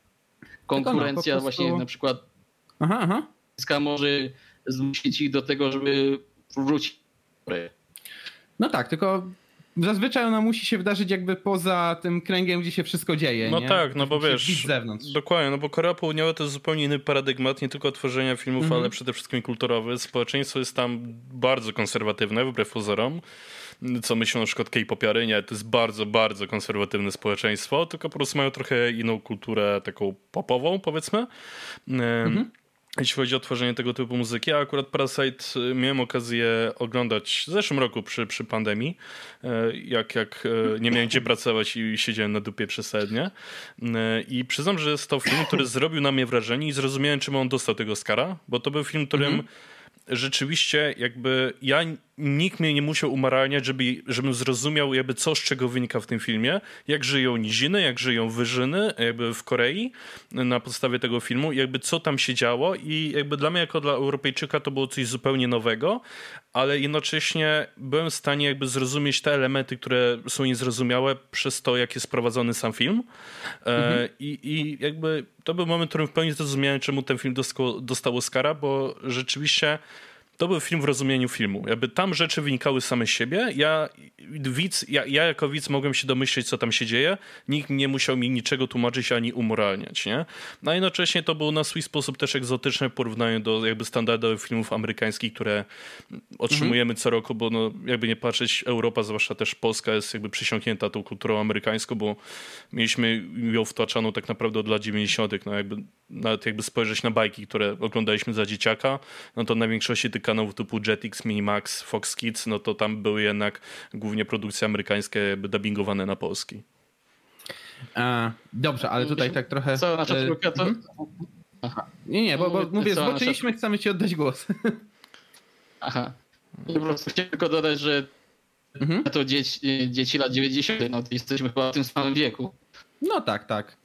Także tak, zobaczymy jeszcze właśnie jaką w ogóle perspektywę na kino będą miały kolejne pokolenia, pokolenie zoomerów, tak, tak, ci urodzeni po 2000, tak, bo to oni teraz będą raczej przejmować głos w tej dyskusji, ale em, słuchaj Torsan, tak, rozmawialiśmy o tym, że współczesne duże kino nie ma jakby szacunku do widza, nie wiem, kieruje się trochę ideologią, kieruje się bardziej cyframi niż E, fabułą, czy tym, co dobre dla e, filmu. Rozmawialiśmy też troszeczkę o tym, że no, w imię nawet zrealizowania czegoś dla pieniędzy zatrudnić tam ludzi niekompetentnych, byle powstało szybko, ale celowo sobie na tak koniec naszej rozmowy zostawiłem pewne pytania dotyczące ciebie personalnie. I teraz byśmy tak w to wskoczyli. Dzięki temu mam wrażenie lepiej też zrozumiemy um, perspektywę na Twoje opinie, które dotąd padły, więc zacznijmy może od tego, jak w ogóle zapatrujesz się na całokształt branży filmowej i na samą markę Star Wars. To znaczy, czy uważasz, że to jest właśnie takie zło przesiąknięte w tym, co najgorsze, czy może dostrzegasz w tym coś dobrego, czy Star Warsy są jakimś wyjątkiem na tle tego i tak dalej, i tak dalej. Jak patrzysz na branżę filmową i Gwiezdne Wojny? Znaczy, jeśli na przykład Marvel się teraz nie wali, to znaczy, że moje widywania nie są aż tak ważne, jak, się, jak mi się wydaje. A to mhm. wszystko trochę, trochę pokładam nadzieję w tym właśnie MCU, że ono właśnie nie, nie spadnie z rowerka. Co do samej marki Gwiezdnych Wojen, no, e, jak mówiłem, nawet, nawet tej trylogii sequeli tam starałem się e, nakreślić rzeczy, które moim zdaniem wyszły dobrze. Niestety jest ich mało. Mhm. Ale, ale nie jest to kompletna porażka, choć no, za, zależy od czyjegoś punktu widzenia. Mm -hmm. Ale, mm, ale mój obecny stosunek do marki jest raczej nijaki, do Gwiezdnych Wojen, trochę szkoda. Niby pojawiają mm -hmm. się tam nowe seriale, czy tam i aktorskie, ani nie ciągnie mnie do tego, aby je obejrzeć. Mimo tego, że no, oceniam dosyć pozytywnie, ale jakoś -hmm. już to nijak po prostu. Rozumiem, czyli nagromadziło się w tobie jakiś taki... Takie... Tak, tak, tak, tak. E, właśnie, bo chciałem zapytać, czy to jest kwestia tego, że nagromadziły się w tobie i te dobre i złe wspomnienia związane, wiesz, masz na pewno lepsze opinie o starej trylogii, oryginalnej trylogii, tak? E, o tej nowej masz po prostu gorsze. Czy to może kwestia po prostu, nie wiem, dorastania, być może wyrosłeś z tego? Jak to jest? Czy to jest kwestia ta pierwsza, czy ta druga? No to że jest to obu kwestii. To jest mhm. zdrowo po sobie, że po prostu coraz filmów czy jest, jest w stanie mnie jakoś zaciekawić. Nie wiem, czy, mhm. Albo właśnie jest to związane właśnie z tym, że teraz potrzebuję po prostu czegoś innego. Nie wiem, teraz bardziej zwracam uwagę na jakość opowiadanej historii, a nie na przykład na efekty specjalnie, bo tam efekty specjalne w końcu się zestarzeją. Wystarczy no zobaczyć tak, na tak. prequele, jak, jak no tak, tak. No, są lepsze i są gorsze w tych prequelach. To się zdecydowanie zgodzę. Ale też y, na pewno duży, y, duży wpływ ma na to właśnie te y, brak zaufania co do jakości nowych y, dzieł. Po prostu jak, jak już parę razy się przejechałem y, na tym, co musiałem zobaczyć, trochę mniej zaufać nowym dziełom. E, tak, ja cię rozumiem, bo mam coś bardzo podobnego. Znaczy, jeden dobry Mandalori... Yy, yy, teraz mi się poplątał oczywiście język. Mandalorianin wiosny jeszcze nie czyni, tak? E, bo jednocześnie na przykład słyszałem o tej animacji Bad Batch, o tych, e, tej ekipie klonów do zadań specjalnych i to jest tak średnio słyszałem im wyszło, więc idą ewidentnie w masówkę. Tak, tak. No, też na ostatnim panelu bodajże mm, y, przedstawili ile filmów i seriali jeszcze ze świata Gwiezdnych Wojen chcą zrobić. Mm -hmm. Tam co chwilę, praktycznie co roku Młyn. coś. O tak, tak. Ryan Johnson nie dostał swojej trilogii, mimo że miał ponoć obiecane, nie wiem, zniknęła. Także no, chyba, że ktoś... jakieś decyzje biznesowe w to chyba wchodzą. Może mnie coś ominęło. Mhm. Decyzje mhm. biznesowe albo jakieś decyzje takie powiedzmy dotyczące polityki też firmy, albo po prostu relacji pomiędzy e, możliwe, tymi osobami. Możliwe. Ja też przyznam szczerze, że ostatnio tak zauważyłem, że jakby to ująć, coraz ciekawsze pod kątem fabularnym i pod kątem też konstrukcji jakby tej fabuły i świata wokół niego e, są produkcje właśnie nieamerykańskie, czyli nie na przykład serial Dark Świetny serial moim o, zdaniem. Jest, tak. Serial tak, niemiecki w pełni. Mimo, że jakby przejął go Netflix, to robili go Niemcy. Niemcy mieli tam pewną swoją swobodę. I tak, wątków LGBT jakoś tam wybitnie nie zauważyłem, mimo że mogłyby no, być. Był jeden w pierwszym sezonie i tyle. Tak, i potem nie było nic, ale to jak oni poprowadzili te wątki czasowe, łączenie, rozłączanie, to co się tam dzieje, jakby opowiadanie wszystkich tych wątków, tak, coś tak. niesamowitego po prostu. Ale tutaj powiem jedną rzecz. Jak tutaj Torsan krytykował bardzo, jak powstaje, nie wiem, książka, żeby wyjaśnić film, tak tutaj strona internetowa, która powstała, tak. żeby wyjaśnić Darka, jak najbardziej jest potrzebna, ale ona Tak, jakby... tylko że ona jest potrzebna tak. z tego względu, że sam jest, stworzony tak. świat jest tak bardzo zawiły i tam jest tyle to wątków, prawda. które w jednym miejscu się kończą, za chwilę zaczynają i tutaj się jakoś łączą i tak mhm. dalej, że to po prostu trzeba jakoś graficznie zinterpretować i pokazać Oj, tak. widzowi, bo, bo jakbyś chciał to zrobić samodzielnie, to byś nie był w stanie nawet pewnie tego spisać, nie? Więc w którym tutaj... momencie, jak kurwa jestem. Tak, tak dokładnie. Ja nie zapomnę.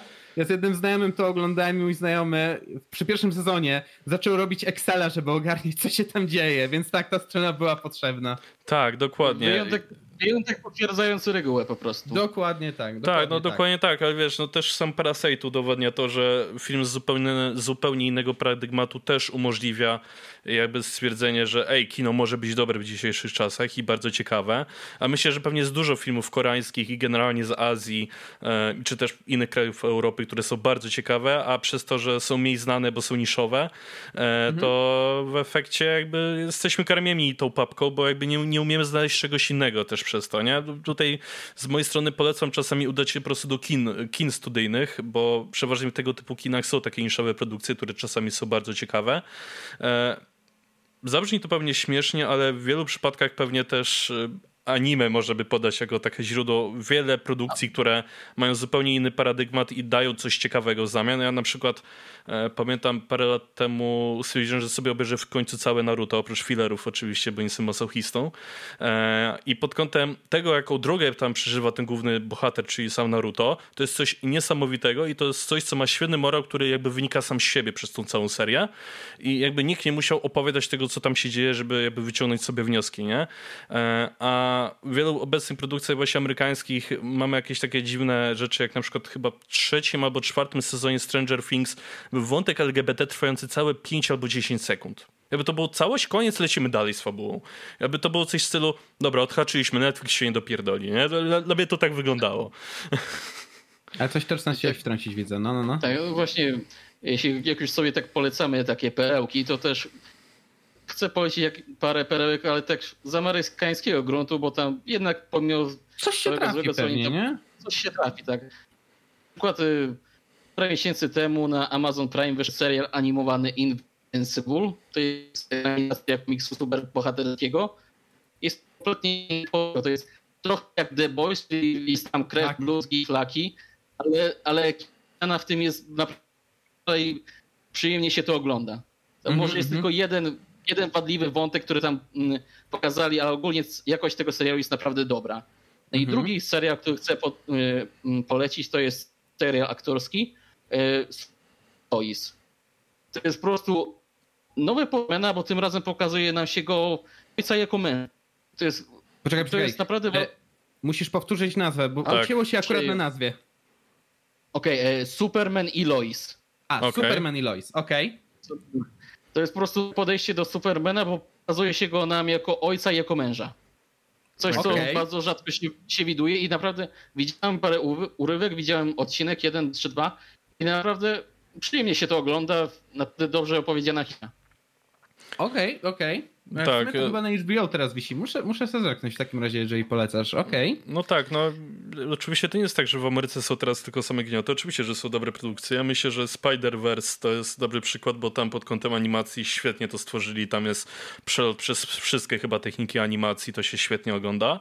E, no i filmy Clint'a Eastwooda. Jakby to jest człowiek, który mm -hmm. się sam deklaruje jako libertarianin e, i widać, że tam filmy jakby nie są przysiągnięte jakąś super ideologią, gdzie jest tłoczona w twoją głowę za wszelką cenę, tylko tam jest, są filmy, które pozwalają tobie samodzielnie dokonać interpretacji dzieła i, i jakby skumać, co jest co. E, I pamiętam z tobą byłem, Czarku, na, na filmie Clint'a Eastwooda, już nie eee, pamiętam jak się... To był im, Importer chyba po polsku było? Nie, The, Mule to po angielsku się nazywało i to był Przemytnik po polsku. O, Przemytnik, sorry, tak. I to był świetny film, gdzie fajnie jakby pokazali całą fabułę i to, co się w tym filmie dzieje. Znaczy znaczy, to jest taka jego metoda w sumie, bo gość próbuje pokazać ci fabułę o prostych ludziach i tym, co tak. przeżywają, i ty już musisz sobie z tego wnioski wyciągnąć. Ale muszę jeszcze zadać parę pytań Torsanowi, mhm. więc teraz kolejne szybkie pytanie. Czy to jest prawda? Czy ten mit jest prawdziwy? Czy fani zniszczyli Star Wars? Bo z naszej rozmowy chyba wynika coś przeciwnego.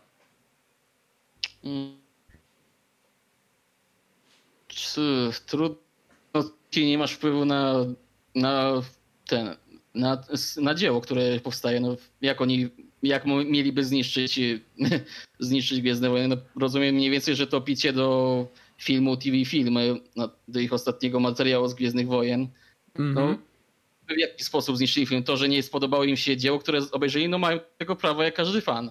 Jak każdy fan po prostu karanie widzów za to, że są emocy emocjonalnie zaangażowani w dzieło, które oglądają. E, nie to, żebym się jakoś nie zgadzał z twoją opinią, tylko mam wrażenie, że u nas to hasło tak nie gryzie jak w Ameryce, bo jak oglądałem z kolei jakichś youtuberów amerykańskich, którzy o tym rozmawiali, bardzo często pada takie stwierdzenie, że o tyle niszczą, że pojawia się tam pewien elityzm e, wśród nich. I niektórzy jakby szukają takiej e, czystości, to jest musisz znać to doskonale. W świadku metalowym coś takiego na przykład występuje w subkulturze, nie, że...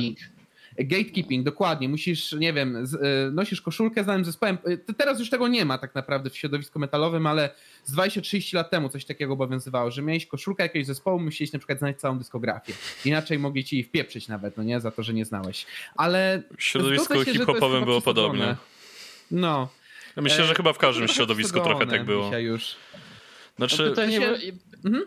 pytanie, jak wielu jest właśnie takich hardkorowych, fanatycznych no mi się wydaje, że jest, jest to tylko głośniejsza mniejszość, na którym twórcy tak wygodnie zwracają uwagę, bo daje im to jakieś usprawiedliwienie dla ich, dla ich pomyłek.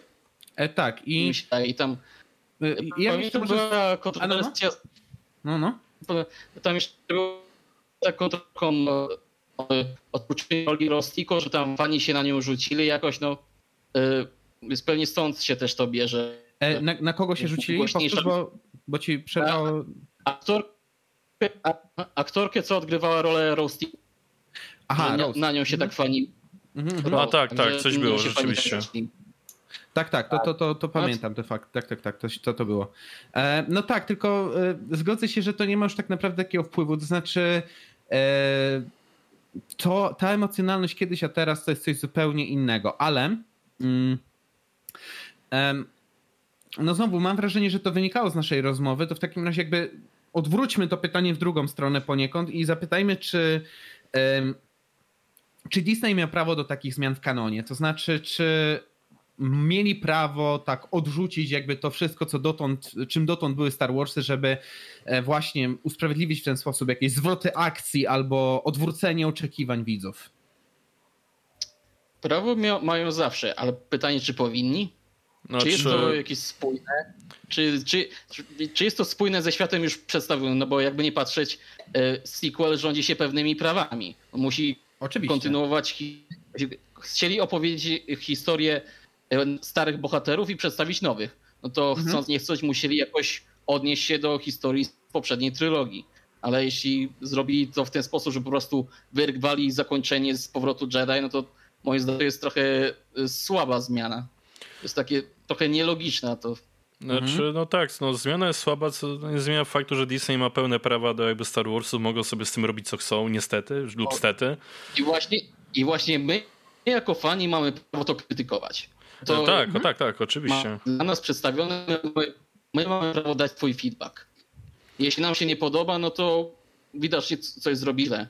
Tak, tylko że wiesz... Musi być zachowany musi być zachowany pewien balans między tym, co artysta chce stworzyć, a tym, co widz chce trzymać. No, ten mhm, balans to mhm. Wszystko może działać. No tak, no masz z tym naj, najbardziej rację, że balans jest tutaj ważny, tylko że wiesz, nie zdziwię się, jeśli Disney wychodzi z założenia, że dobra, wydamy kolejny film, damy jakiś trailer, który w zasadzie wiele nie mówi. To jakby tworzy bardzo dużo domysłów i wiesz, ludzie pójdą do kina część na zasadzie, dobra, będzie jakieś fajne show i powiedzmy, że nie są aż tak zaznajomieni z uniwersum, a część pójdzie na zasadzie, może tym razem nie spierdolili, będzie fajnie, nie? I jakby wiesz, nie, nie, da się zrobić tak, że wychodzisz z kina, mówisz, że film był tak chujowy, że chcesz zwrócić bilet. No jakby niestety to tak nie działa. No i w efekcie tak czy siak Disney coś zarabia i wiesz, dopóki nie dojdzie do sytuacji, gdzie Disney zarobi już tak mało pieniędzy, że będzie musiało coś zmienić, to mam obawy, że jakby to będzie, jakby ciągnęło się dalej. Mm, ale no, no zobaczymy, no czas pokaże, co będzie się działo, nie? No tak, dokładnie.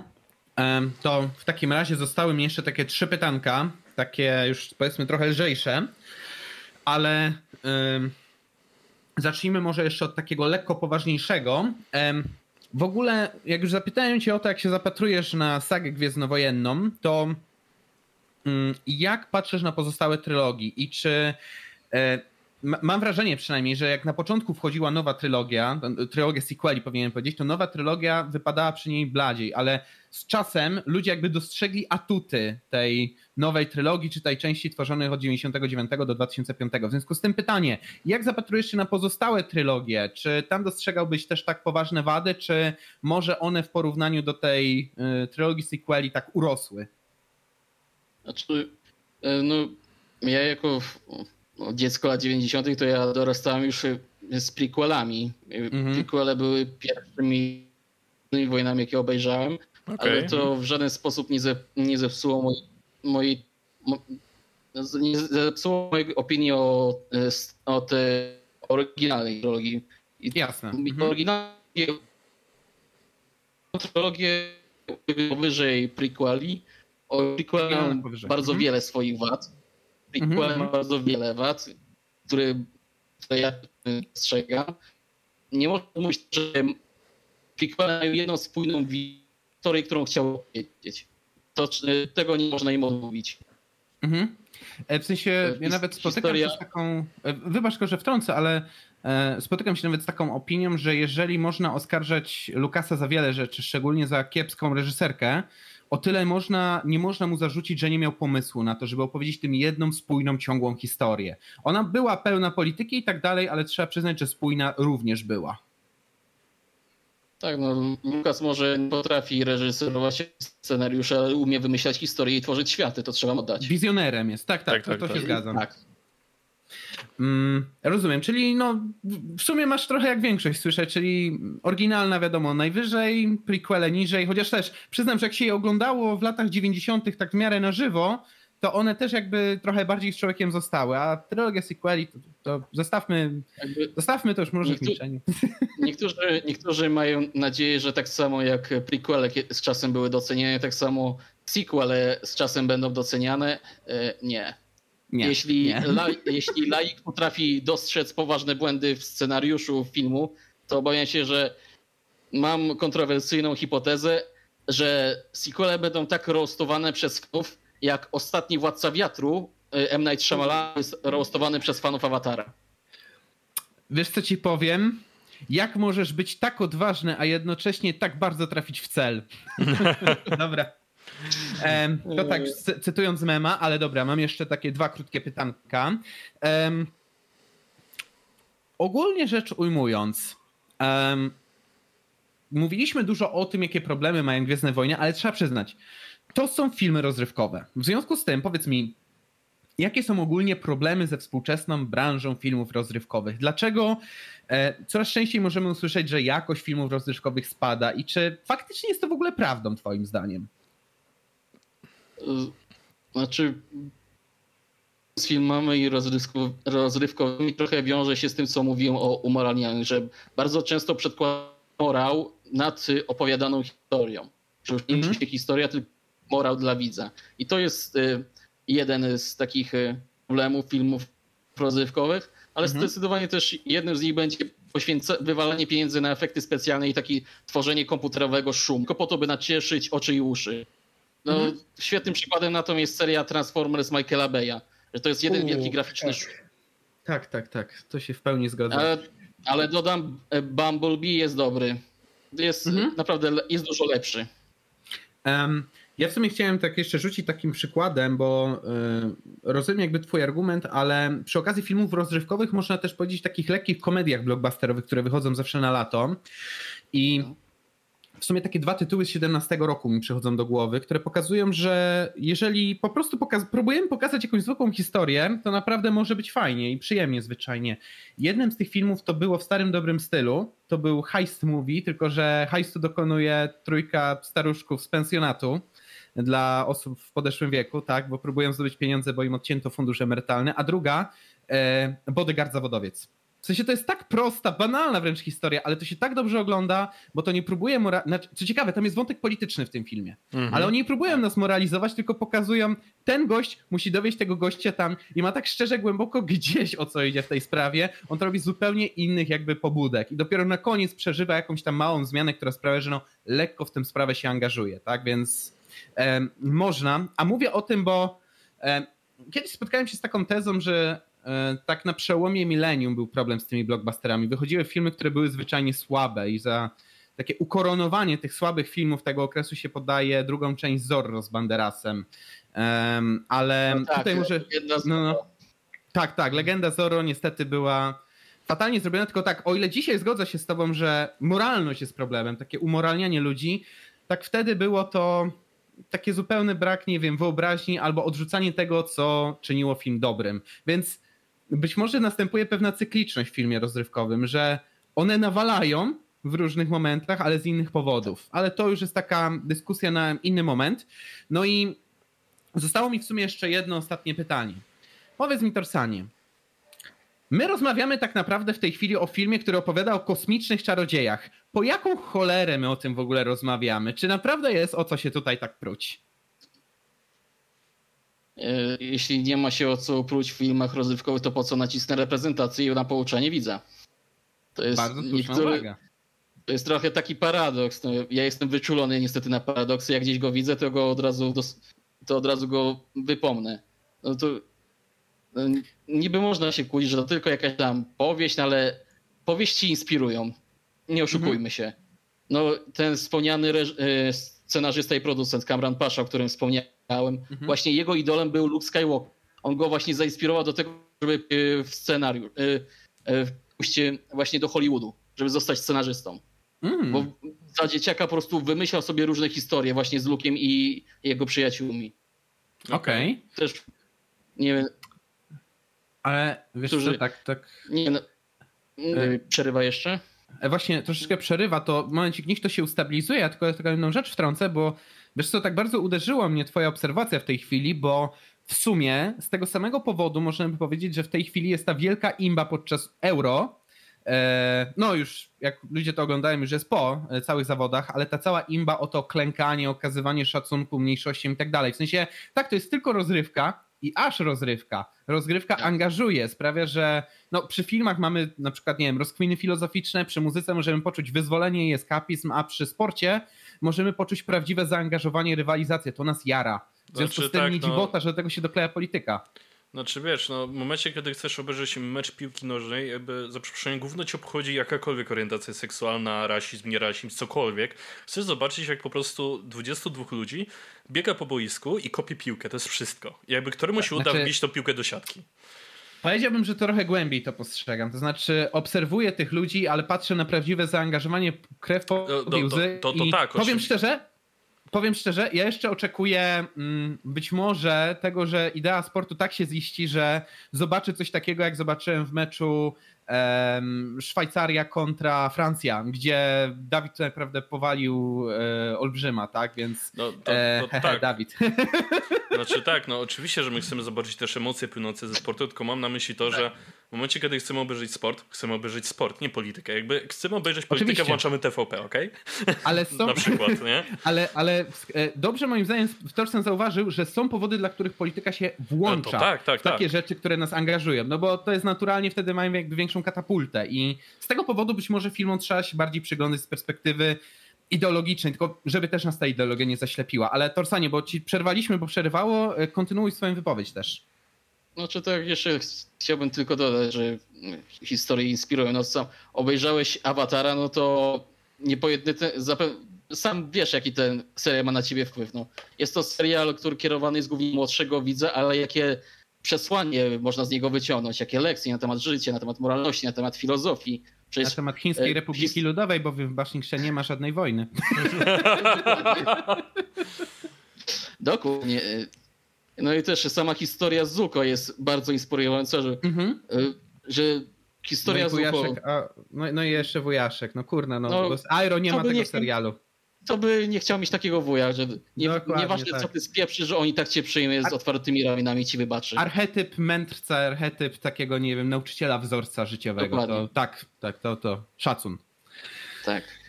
Um, no cóż, była to niezwykle intrygująca rozmowa. Torsanie, pięknie Ci dziękujemy tutaj za przybycie. Mam nadzieję, że słuchaczom nie przeszkadzały pewne problemy związane ze słabym łączem, ale wybaczcie, nie jesteśmy w stanie każdemu kupić internetu, żeby z nami tutaj rozmawiać.